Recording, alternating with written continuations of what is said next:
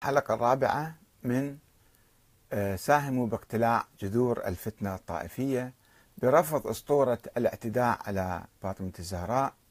وهذه الحلقة تدور حول عبد العزيز الجوهري.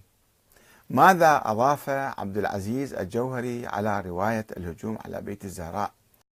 في القرن الرابع بعد مئة سنة من مصنف ابن أبي شيبة اللي تحدثنا عنه قبل قليل.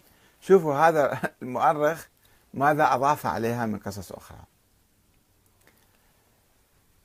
لكن رواية أخرى ينقلها أحمد بن عبد العزيز الجوهري فيما بعد يعني في القرن الرابع الهجري. تتحدث عن مجيء عمر في عصابة وصياح الزهراء ومناشدتها لهم وإخراج علي والزبير بالقوة من البيت للبيعة. هاي في أيام الدولة البوهية الكلام. قال أبو بكر أحمد بن عبد العزيز الجوهري.